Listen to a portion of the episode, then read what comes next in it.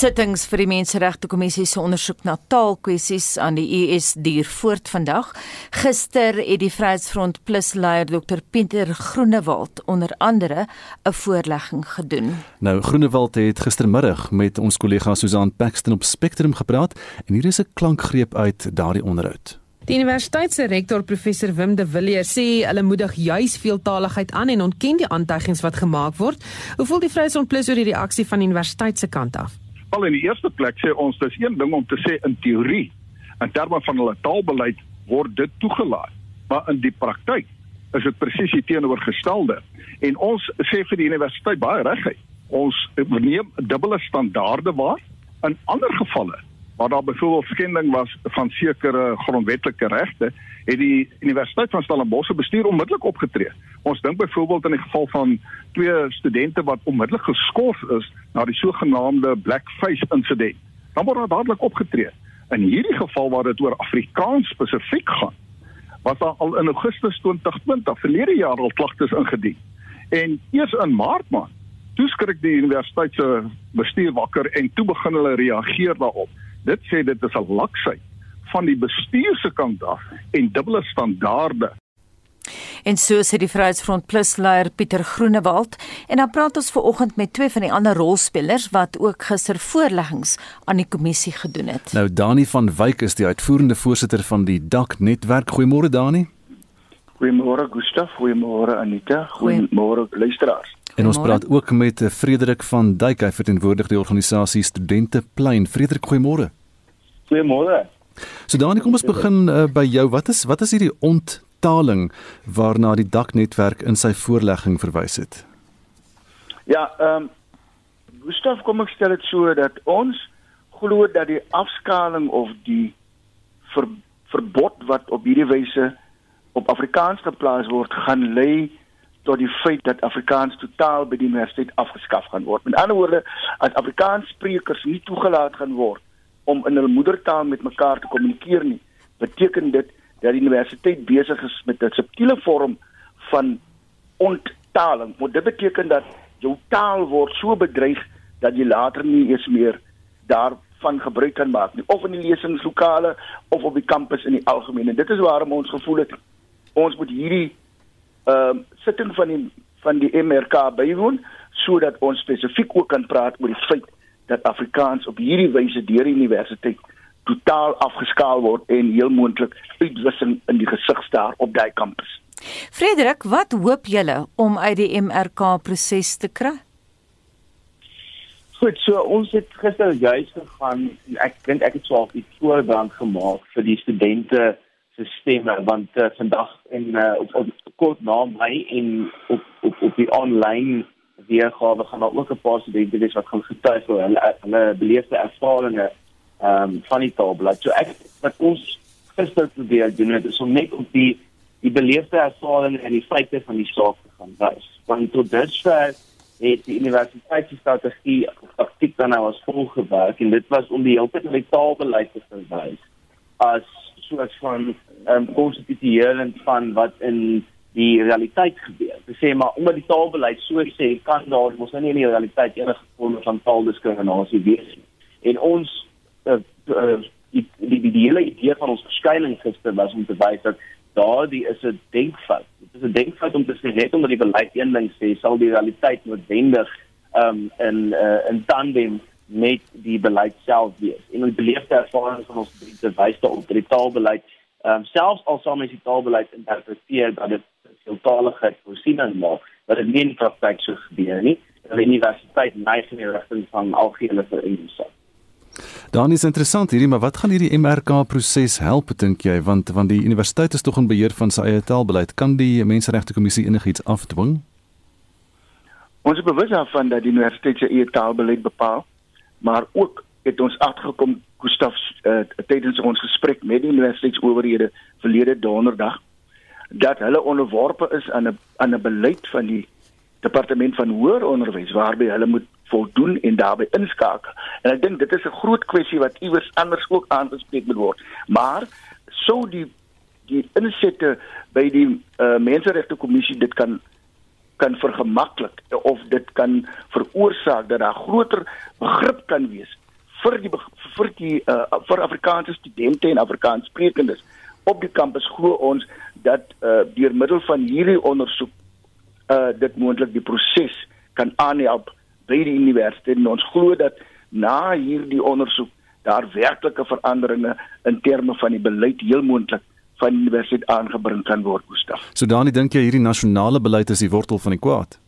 Dit is die wortel van die kwaad en dit is waarom ons gevoel het na ons gesprek verlede donderdag dat die volgende stap wat dak gaan doen is om en ons is reeds in die proses daarmee is om om 'n afspraak met die minister van uh hoër onderwys minister Blyden se mandate reël sodat ons die hele kwessie rondom Afrikaans uh met hom kan bespreek en ook natuurlik aansluitend by dit die universiteit se uh taalbeleid. Want ons voel dit is belangrik Gustaf en Anita dat Afrikaans op daai vlak met die minister uh gedestigmatiseer uh, gedestigmatiseer asook gedepolitiseer moet word. Maar dan al hy wanpersepsies wat rondom ons taal bestaan, moet dit weggeruim word sodat dit dit dit 'n weg kan open uh vir Afrikaanse onderrig, vir Afrikaanse uh uh uh, uh, uh, uh gesprekke op kampus sodat die studente tuis kan voel. Ons lees dat 'n student selfs bang is om in Afrika of in haar uh, of om in haar taal te kommunikeer of te praat. Nou dit wys vir my is 'n ernstige aantasting van grondwetlike asook die menseregte van hy studente op die kampus en ons hoop dat die menseregte kommissie se ondersoek dit ook sal aanspreek. Daar word nou gepraat van depolitiseer. Ek is nou baie bly jy sê dit. Dani, dink jy nie hierdie hele saak wat tog uiteindelik 'n kultuursaak is, word verpolitiseer nie? Ons is in 'n verkiesingsjaar. Die DA het op die wa geklim. Ons sien die Vryheidsfront Plus doen nou dieselfde. Ja, dit dit dis beslis so Anita. Ehm um, kan ek net sê dat ons waardeer alle insette wat gemaak word alhoewel ons nie polities verbind is tot enige politieke organisasie nie. Uh want uiteindelik is hierdie hele ding rondom die taal uh kwessie is is is iets wat wat dateer uit die ouer dae uit 'n vorige politieke bedeling toe die taal misbruik was en op daai basis so besoedel was dat mense tot vandag toe nog na hoeveel jaar sien dat die taal 'n bydrae tot 'n mate gelewer het tot hulle onderdrukking. So Afrikaans wat ons betref is ons moedertaal. Ons is breinmense. Ons was nooit onderdrukkers van enige mense in hierdie land. Om my te vergelyk met 'n vorige politieke bedeling waar die taal aangewend word was as deel van onderdrukking dink ek is onregverdig en daarom het dak gevoel ons wil toetree tot die gesprek omdat ons voel ons wil onregverdigheid aanspreek ons was daar was onregverdigheid gepleeg teenoor ons in die verlede by daai kampus en ons gaan nie toelaat dat dit weer gedoen word op hierdie wyse deur 'n deur 'n politieke bedeling wat uh uh uh uh die taal nou weer eens wil aanwend om 'n groot gedeelte van Afrikaanssprekendes in hierdie land te benadeel nie. Frederik, jy dan het nou vroeër verwys na die minister van hoër onderwys Blyden Zimande. Nou daar's uh, in die media berigte daar het 'n notule uitgekom uh, uh, te dank aan die DA dink ek uh, wat gewys het waar Blyden Zimande vergader het met al die universiteite en die vraag ook dan nou gestel het Hoe is dit moontlik om Afrikaans te bevorder, maar terselfdertyd nie Afrikaans te gebruik om mense uit te sluit nie? Daardie dualistiese is dit moontlik om dit te doen? Hoe kan 'n mens dit doen? Ja, dit is heeltemal moontlik om ek het gister in my getuienis vir die kommissie daar gesê dat eh uh, daar dit was die narratief weer is dat ons tussen twee uiterste keuses staan. En die een keuse is dat ons deel moet vir Engels en die ander keuse is dat daar totale ehm um, taalchaos en, en, en apartheid heers. Jy weet waar almal so geskei is in opsigte van taal, niemand met mekaar kan kommunikeer nie. Maar dit sluit natuurlik glad nie 'n goue middeweg uit waar daar meganismes in plek is om volhoubare veeltaaligheid in Suid-Afrika en ook by instellings soos die Universiteit Stellenbosch te bevorder en in stand te hou terwyl daar ook in 'n lingua franca dit is nou 'n gedeelde taal soos byvoorbeeld nou Engels ook om gekommunikeer toepaslik en waar nodig. Ehm um, en en in die waar dit is ook in die grondwet self en artikel 32 in die taalklausule is dit baie duidelik dat die staat en dit sluit staatsorgane soos universiteite in. Ehm uh, as dit natuurlik staatsuniversiteite is. Ehm um, moet daar werklike stappe neem om veeltaligheid aan te moedig en om veral die voorheen benadeelde aspek van 'n talige omgewing aan te spreek. Mm. So ek dink daar's heeltemal oplossings in die verband en die feit dat ons vir hierdie vals keuse geplaas word, ehm um, is nie enigstens bevorderend vir die gesprek self. Frederik, ek is nou baie bly jy verwys na 'n moontlike goue middeweg. Ek wil die vraag aan albei van julle stel. Dani, kom ons begin by jou. Is daar nie 'n kompromis te tref nie? Ja, daar is moontlik een. Ek dink die die universiteit moet 'n sterker standpunt inneem ten opsig van ten opsig van meertaligheid en met meertaligheid beteken dit nie dat ons anti-Engels is nie, maar ons spreek die belang van ons mense aan. Ek ek glo dat daarom glo ons in, in gesprek dat die universiteit moet oortuig kan word dat daar is 'n middeweg. Maak 'n 'n moontlikheid, maak dit moontlik vir 'n Afrikaanse student wat 'n eerstejaartjie is, wat vreemd op by kampus aankom, wat wat angstig is in terme van 'n vreemde omgewing en hoe nog 'n vreemde taal ook. Maak dit moontlik vir daai studente om ten minste hulle eerste kwalifikasie in Afrikaans te, te behaal nagraadse studies glo ons kan in Engels gedoen word, maar maak dit moontlik dat daar net eers 'n baie goeie uh onder onderligging kan wees en 'n goeie fondasie of 'n fundament geskep kan word om dit moontlik te maak vir daai studente om hulle eerste kwalifikasie dan nou wat dit ook al is in Afrikaans te verwerf. En ek dink dit is moontlik 'n kompromis. Dat die universiteit moet kyk na hoe kan hulle die taal akkommodeer en nie hoe hulle die taal kan uitskakel nie. As hulle glo in 'n beleid van meertaligheid, dan moet hulle dit in die praktyk toepas en dis hoe ons glo dit moontlik gedoen kan word Anita. Frederik, sou jy daai punt van jou van 'n goue middeweg wou verder voer? Ja, graag. Ek eh, ek dink net op die stadium staan nog baie ruimte om eers die vertrouensverhoudings en bonafide tussen die die Afrikaanse koalisie en die universiteit uh op op op op op, op die universiteit te stuur tot op so 'n vlak te kry dat mens werklik met mekaar kan praat. Ehm um, ek dink as jy kyk na die die getuienis wat die laaste paar dae uitgekom het veral rondom die ehm um, jy weet uh, wat daar aan die rek wat die rektor en een van sy raadslede gesê het in terme van taal vir Engelsing en wat uitgekom het rondom wat die raadsvoorsitter aan die minister van onderwys sê dan is dit duidelik dat daar hier daar's nie goed in die agtergrond wat eers op die weg geruim sal moet en ek dink ons moet ook konstitusioneel onderskei tussen ehm um, die menseregte die doel van die menseregte kommissie se sitting gister en die taalbeleid self. Nou ja, gister sit MK verhore het plaasgevind en vandag se natuurlik ook in konteks van die Stellenbosch presidentskap taalbeleid. Maar die spesifieke kwessie is die feit dat in die praktyk was daar voorvalle gewees van studente wat om uh, gesê het dat die universiteit plaas ons net Engels selfs in die informele koshuis leefgemeenskappe en dit was die kwessie wat aanleiding gegee het tot tot die bom wat gebars het. En ek dink ons moet ons kan heeltemal sê dat dit gebeur in konteks van 'n taalbeleid en hoe gaan ons die beleid aanpas sodat hier goed nie weer gebeur nie. Maar terselfdertyd moet ons ook vir die universiteit kan sê hoekom sê julle nie hoekom vra hulle nie om verskoning nie? Hoekom moet mense julle smeek um, om te erken dat hier so ernstige foute begaan is van wie julle versuim om om proaktief rondom taal op te tree, veral rondom Afrikaans by Weskaapse Universiteit. Baie dankie en so sê Frederik van Duyk van Studente Plein organisasie en ons het ook ver oggend gepraat met Dani van Wyk, uitvoerende voorsitter van die DAK netwerk. So 25 minute oor 7 by Monitor nou die MK Militêre Veterane Vereniging sê hulle weier om te ontbind en soos wat die topbestuur van die ANC van hulle verwag om te doen. Dit kom nadat 'n vergadering tussen die ANC se nasionale leierskap en die van die MK-MVA gister skibreek gelei het. En ons luister nou na die reaksie reaksie daarop van Theo Venter, onafhanklike politieke en beleidsontleder wat met Heinrich Weingart gepraat het. Die ANC het gister baie vreemde besluit geneem, 'n besluit om die MK-MVA te ontbind. Nou die vreemdheid van die besluit is die MK-MVA is nie deel van die ANC se grondwet nie. In die ANC se grondwet word net verwys na die veterane liga en dit is nie die MK-MVA nie. So die dilemma wat die ANC op die oomblik het, hulle ontbind strukture waaroor hulle eintlik geen beheer het nie. Hoe belangrik is dit vir die ANC om eenheid binne veterane geleedere te bevorder? Ek dink dit is baie belangrik want hierdie is 'n voortsetting van die faksiegevegte binne in die ANC wat die MK-MVA aan die een kant ondersteun 'n sekere faksie en die ander veterane ondersteun natuurlik die Ramaphosa faksie en ek dink hoe gouer daar eenheid gekry word hoe beter. Interessante perspektief die politieke ontleder Theo Venter nou die MKMVA se woordvoerder Karl Neus sluit nou by ons aan om hulle standpunt te verduidelik. Karl, goeiemôre. Goeiemôre. Gaan dit uiteindelik hier oor 'n voortgesette faksiegeveg binne die ANC soos wat Theo Venter nou daar gesê het?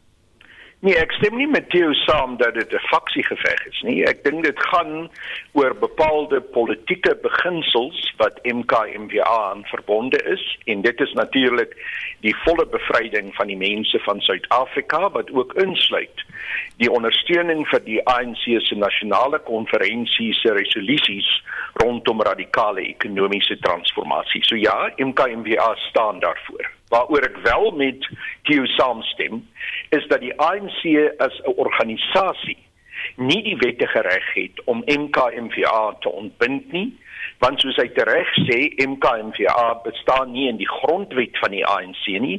Ons is 'n onafhanklike struktuur en organisasie met ons eie grondwet. En ek sou sê dat die poging wat die nasionale uh werkskomitee van die ANC gister probeer het om te sê dat MKMBA moet ontbind nie kan staan binne 'n regsproses nie. Ons sou verkies om nie hof toe te gaan nie, maar indien ons wel uiteindelik gedwing word om hof toe te gaan, is ek absoluut daarvan oortuig. Ek hoop jy is nog nie sal slag met hierdie poging om MKMVA te ontbind. Jy het nou vir 'n ruk daar verdwyn Kalneas, maar ek wil jou die volgende vraag vra. Is daar 'n kompromis te tref? Ons hoop altyd dat dit moontlik is om eenheid tussen al die lede van MKMVA, die oud veterane van MKMVA in uh, te bring en onder daai omstandighede sal ons aanhou probeer om te werk vir 'n eenheidskonferensie, maar dit kan nie wees dat ons op 'n diktatoriale wyse gesê word dat ons 'n bepaalde proses moet volg wat nie die proses is wat oor die afgelope aantal jare sedert 2017 gevolg is nie. En dit kan ook nie wees dat die nasionale voorsitter van die ANC kameraad Gwede Mantashe dan eenvoudig net sê ons vertel julle wat julle moet doen ons wil nie met julle in gesprek tree nie en as die leierskap van MKMWA dan probeer om in gesprek te tree dan word ons gewoon uit die Zoom konferensie gegooi.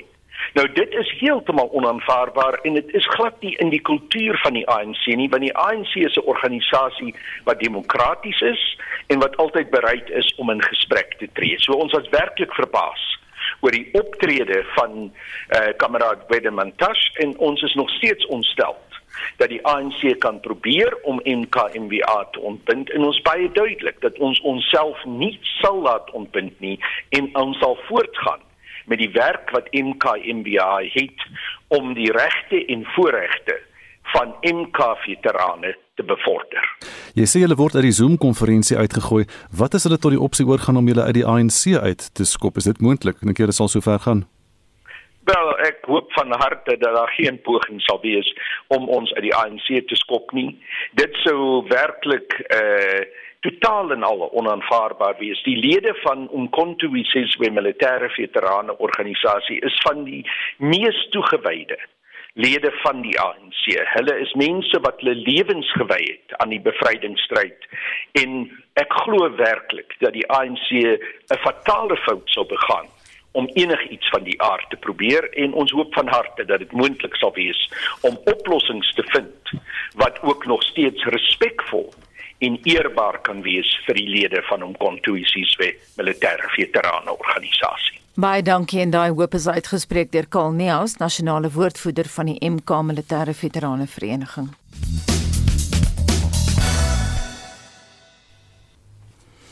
En ons kyk nou na wêreldnuus gebeure. En ons gaan gesels met Marlene vanmôre oor die wêreldnuus gebeure. En um, nou die oë is gerig op die Amerikaanse president Joe Biden se besoek aan die Russiese president Vladimir Putin. Dit gebeur natuurlik in uh, Genève. Dit is dan nou môre, Marlene Forsie hou hierdie gissinge dop rondom hierdie kwessie en uh, het gister tydens die NAVO-beraad in Brussel in België toe nou hieroor gepraat. Marlene, goeiemôre. Ja, dit het heel Môre Gustaf, daai hierdie gesprek het heel wat belangstelling uitgelok. Dis een van die vrae wat gestel is tydens 'n media konferensie. Ehm um, Biden het sy ervaring met Putin vergelyk op iets soortgelyk aan wat op die sportveld gebeur. Hy het gesê Putin is 'n skerp taai en 'n waardige opponent. Hy het egter geswyg oor die fynere besonderhede van hierdie verwagte gesprek. I shared with our allies what I'll convey to President Putin. I'm not looking for conflict with Russia, but that we will respond if Russia continues its harmful activities. What's your mindset walking into a meeting with a former KGB agent who you've said has no soul? I'll tell you all that when it's over. Look, I've been doing this a long time. The last thing anyone would do is negotiate in front of the world press as to how he's going to approach a critical meeting with another adversary and or someone who could be an adversary. Putin het intussen tydens 'n onderhoud met die BBC gesê Rusland se verhouding met die FSA het 'n laagtepunt bereik. У нас отношения двусторонние деградировали. We have a bilateral relationship that has deteriorated to its lowest point in recent years. However, there are matters that still need a certain amount of comparing notes. Nou is een van die vele leiers wat NAVO se rol en relevantie bevraagteken. Leiers daar het egter gister in Brussel gewaarsku teen die bedreiging wat Rusland en China se militêre vooruitgang en samewerking veral wat kernwapens betref vir die internasionale gemeenskap inhou. Die president van Chicago in Amerika se Raad vir Internasionale Betrekkinge, Ivo Daalder, het as volg hierop gereageer. Russia is described as a threat. whereas China is described as a challenge, a challenge you can manage and deal with, a threat you need to counter. And clearly, Russia remains the most important security threat to the United States and to NATO within the uh, transatlantic context. Bettina Dagter, sy is gevoeg by diegene wat glo NAVO se relevantie het sy sperdatum bereik. As far as NATO, I have said on many occasions, this is a Cold War relic. It's something that was born in the Cold War era. I'm not sure why it still continues to exist. En natuurlik hou ons verwikkelinge in die verband met 'n volkoogtop. Nou nog verwikkelinge wat ons dophou is die verwagte bekendmaking van die besonderhede van 'n handelsooreenkoms, dis nou tussen Australië en Brittanje. Dit gaan na bewering later vandag plaasvind en volg op aandete tussen Brittanje se premier Boris Johnson en sy Australiese ewetjie of eerder eweknie Scott Morrison dis in Downingstraat. Sy eerste oorspronklike handelsooreenkoms wat aangegaan is sedert Brexit. Dit word beskou as 'n belangrike stap in Brittanje se deelname aan die vrye handelooreenkoms in die ooste. En nou verskuif ons die aandag na Myanmar waar die voormalige leier Aung San Suu Kyi se verhoor begin het. En dit volg nou by staatsgreep vroeër vanjaar se 4 maande terug. Sy word daarvan beskuldig dat sy onwettige handradio's besit het en dat sy COVID-19 regulasies oortree het. Verdere kwessies wat later hanteer sal word, sluit in beweringe van korrupsie en die breek van die wet op vertroude of eerder vertroulike inligting. Menseregte groepe veroordeel die verhoor en beskryf dit as 'n manier om haar te verhoed om deel te neem aan toekomstige verkiesings. Sy is in Februarie onder huisarrest geplaas. En nou nuus van 'n ander aard. Die Amerikaanse Sentrum vir Infeksiebeheer en Voorkoming het 'n jaarlange verbod geplaas op die invoer van honde uit 113 lande. Ja, dit volg op vrese rondom hondsdolheid uit hoë risikolande. Geen hondrasse word hier uitgesonder nie die aankondiging is gemaak te midde van 'n toename in die invoer van honde tydens die pandemie en hierdie honde, honderde van hulle is geïdentifiseer wat die land binnegekom het met vervalste inenting sertifikate. Hm. Marlene Forsie met vanoggend se internasionale nuusgebeure. Die rooi vleisprodusente organisasie het die mees onlangse uitbreking van back and close seer in KZN as 'n nasionale krisis beskryf. En ons praat nou met die voorsitter van die RPO, Koos van der Ruyst. Goeiemôre Koos. Goeiemôre. Hoekom beskou julle die situasie as 'n nasionale krisis? Die, die rooi vleisbedryf is ons lief om te beskryf as 'n slapende reus wat uh, besig is om te ontwaak. En as ons sien wat die potensiaal is veral ook in die opkomende sektor, dan uh, is hierdie 'n 'n krisis vir ons want dit ontneem ons uh, van die reg om internasionaal ons produkte kan aanbied en om sodoende vir die produsente beter bedeling daar te kan stel. Waarvandaan kom hierdie jongste uitbreking? Die jongste uitbreking is in die noorde van Natal.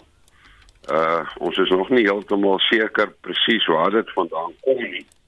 Ehm um, maar ja, dit kom vanaf beeste wat uit die buffergebied uit uh beweeg het na die na die sogenaamde skoon gebied. Ehm um, en as ons praat van verantwoordelikheid, uh is hier 'n gedeelde verantwoordelikheid.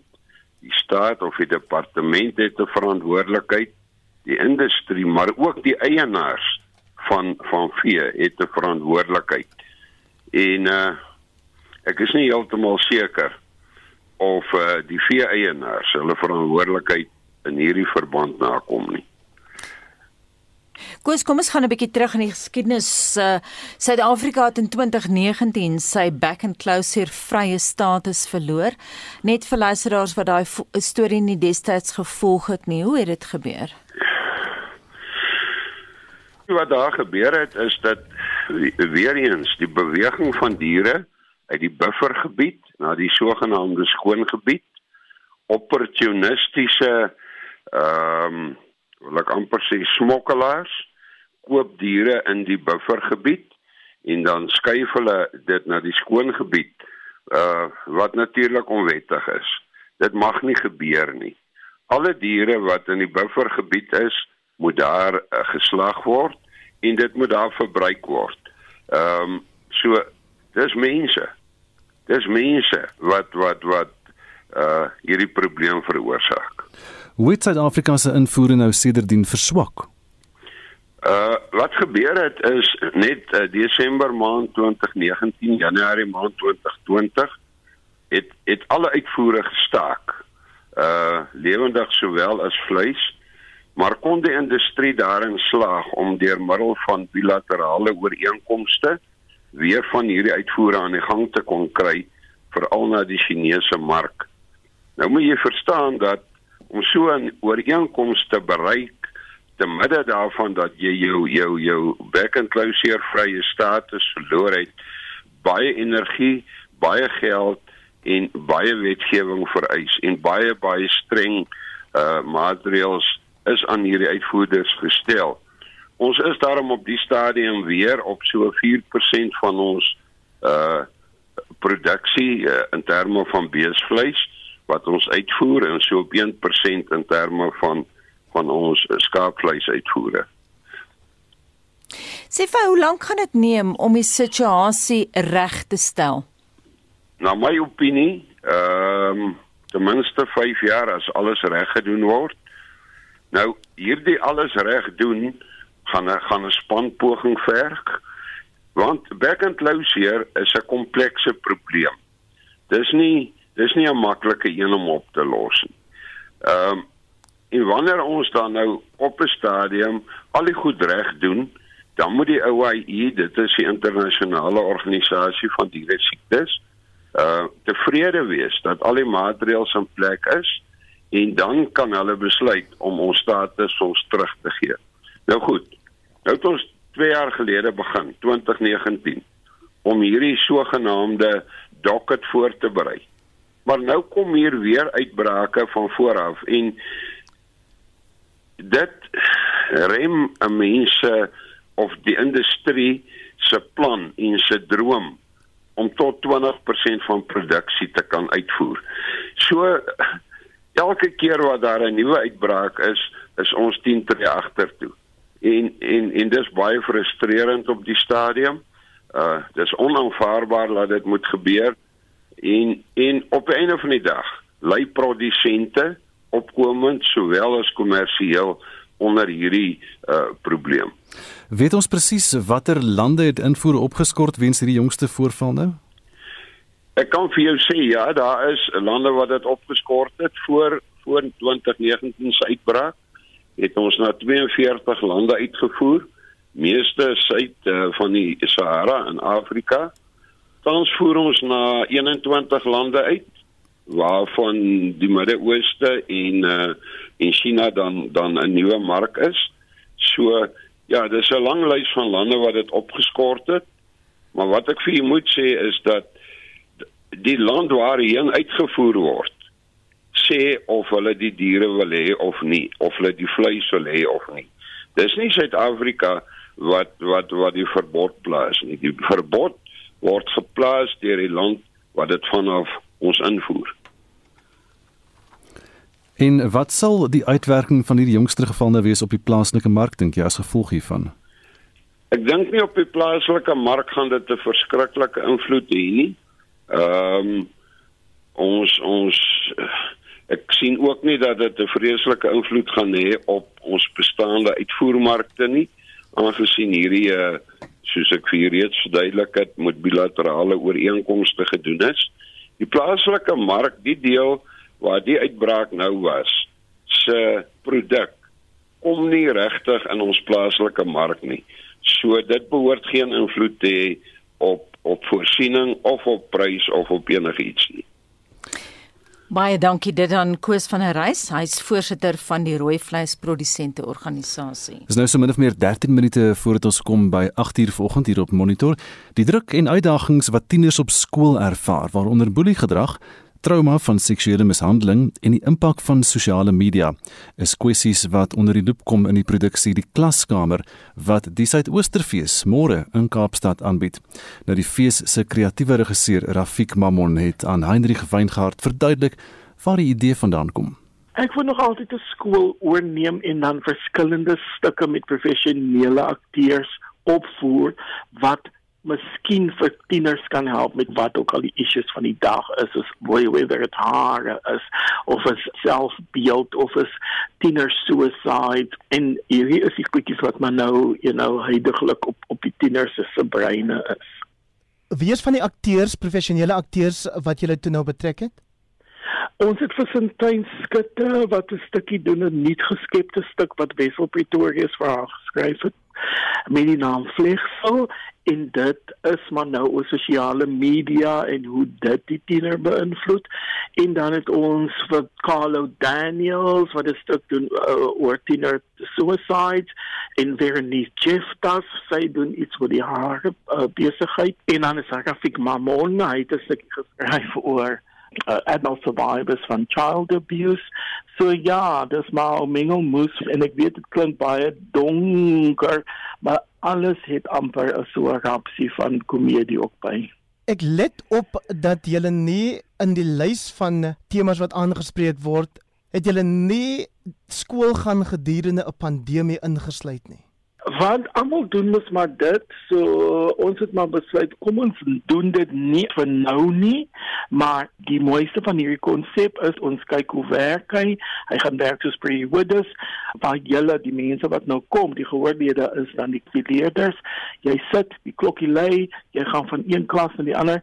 Ons kyk hoe die temas werk en dan kan ons hom omskep en miskien op die pad vat waar ons in skole gaan en dan werk ons temas soos hierdie een of jy kom en jy sê maar dit is 'n goeie tema kom dan werk ons hom in en haal miskien iets anders uit. So ja, dit is maar 'n try out. Jy betrek ook die hoërskool Jan van Riebeeck se tiener toneelgroep.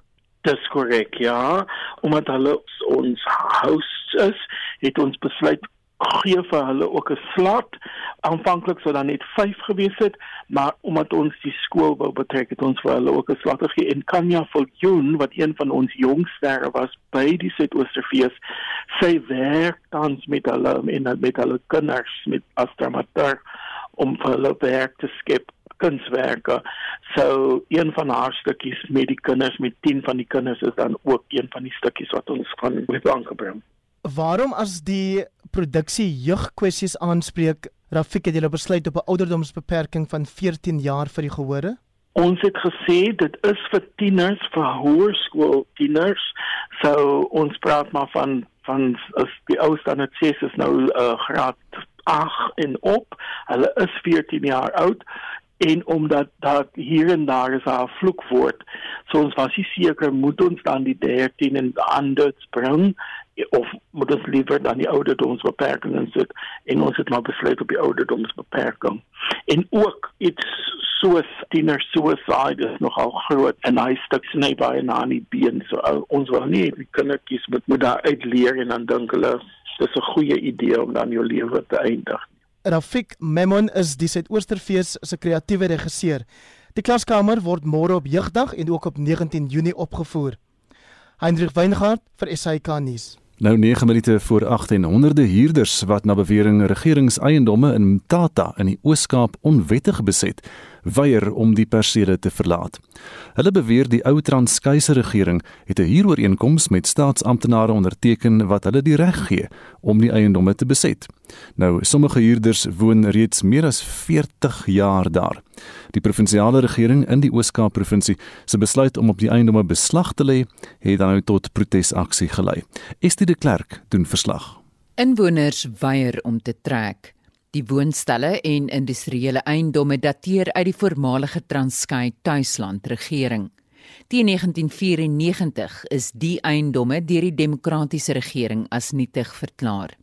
Huurders met kontrakte het bloot voortgegaan om huur te betaal aan ongespesifiseerde regeringsamptenare. Die voorsitter van die Old Northcrest woonstelle, Nkebo Sobantu, sê hulle is bereid om teen die departement van openbare werke te beklei. One of the clauses that is stated there is saying whenever one wants to view the properties that I'm occupying, we should open for that particular person. And if he has got the financial muscle to buy that property, he should be allowed to do so. And yet I'm there occupying the flat that I've occupied for more, for almost 40 years. Van die huurders sê hulle woon reeds meer as 40 jaar daar en hulle het geen ander heenkome nie. Pikolomzi Gubula en Piwokule Nkruna is van die huurders. The reason why we're saying that we are going nowhere it is because some of the people they don't even have nowhere to go. And then it is said that we do not want to pay rent, which is not true. We want to pay rent. We're going nowhere, sir. We're going nowhere. And as a matter of fact, uh, we are ready to take to take him on. He's just taking us to court. So uh, we're engaging him on that front. So we're basically not going anywhere. Sobanto sê die provinsiale regering onderhou ook nie die geboue nie. You fail to maintain the properties. So give us these properties because we're already maintaining them. So ultimately give us to them. We want to join the mainstream of the municipality, KSD, and pay rates like all other residents. Die Oos-Kaapse premier, Oscar Mabuyani, sê dit is wetteloos om die grondwet te ondermyn. But we're not going to allow uh, the behavior uh, that seeks to undermine the constitutional democracy we have. Uh, we can't have other people paying for other people. All those who are occupying public properties must understand that that's out of taxpayers' money. There are people who are paying that tax for them to have electricity that they are not paying for, or water that they are not paying for, even the uh, uh, brick and mortar they're actually staying in. So we've got uh, to make sure that people are working with us. Die departement van openbare werke het hom tot die hof gewend en het aansoek gedoen om 'n uitsettingsbevel. Die verslag is saamgestel deur Nkululeko Nyembezi in Tata en ek is Estie de Klerk vir SAK nuus. Ons het daarom nog SMS terugvoering en SC hanteer dit vir ons volgende. Jopie van Vryheid skryf vir ons: Ek het in en op die goudvelde van Welkom groot geword. Die myne het honderde damme suur mynwater rondom die skagte gehad wat nie gerehabiliteer word nie. So ook word afvalwater van fabrieke in leifore in spruite en riviere ingepomp. Riool suiweringsaanlegte se pompe raak ontklaar en rou rioolwater beland in riviere wat die grond besoedel en Jopiese landerye wat met gifstowwe uit die lug bespuit word, beskadig dan ook die grond. En Christina Groenewoud van Kaapstad skryf grondbesoedeling behoort geensins toegelaat te word nie. Waste to energy aanlegte behoort langs rioolaanlegte gebou te word en die rommel word verbrand om energie of elektrisiteit op te wek en van daardie energie word gebruik om die verwerkte riool te ontsmet en dan as bemesting verkoop te word baie dankie vir jou terugvoer vanoggend. En so kom ons aan die einde van vandag se monitor met ons waarnemende uitvoerende regisseur Wessel Pretorius. Ons redakteur vandag was Jean Estreisen en ons produksieregisseur is Daitrin Godfrey. Monitor is môreoggend om 6uur terug hier op RSG. Ek is Gustaf Greiling. En my naam is Anita Visser en Elena sit gereed met die 8uur nuus.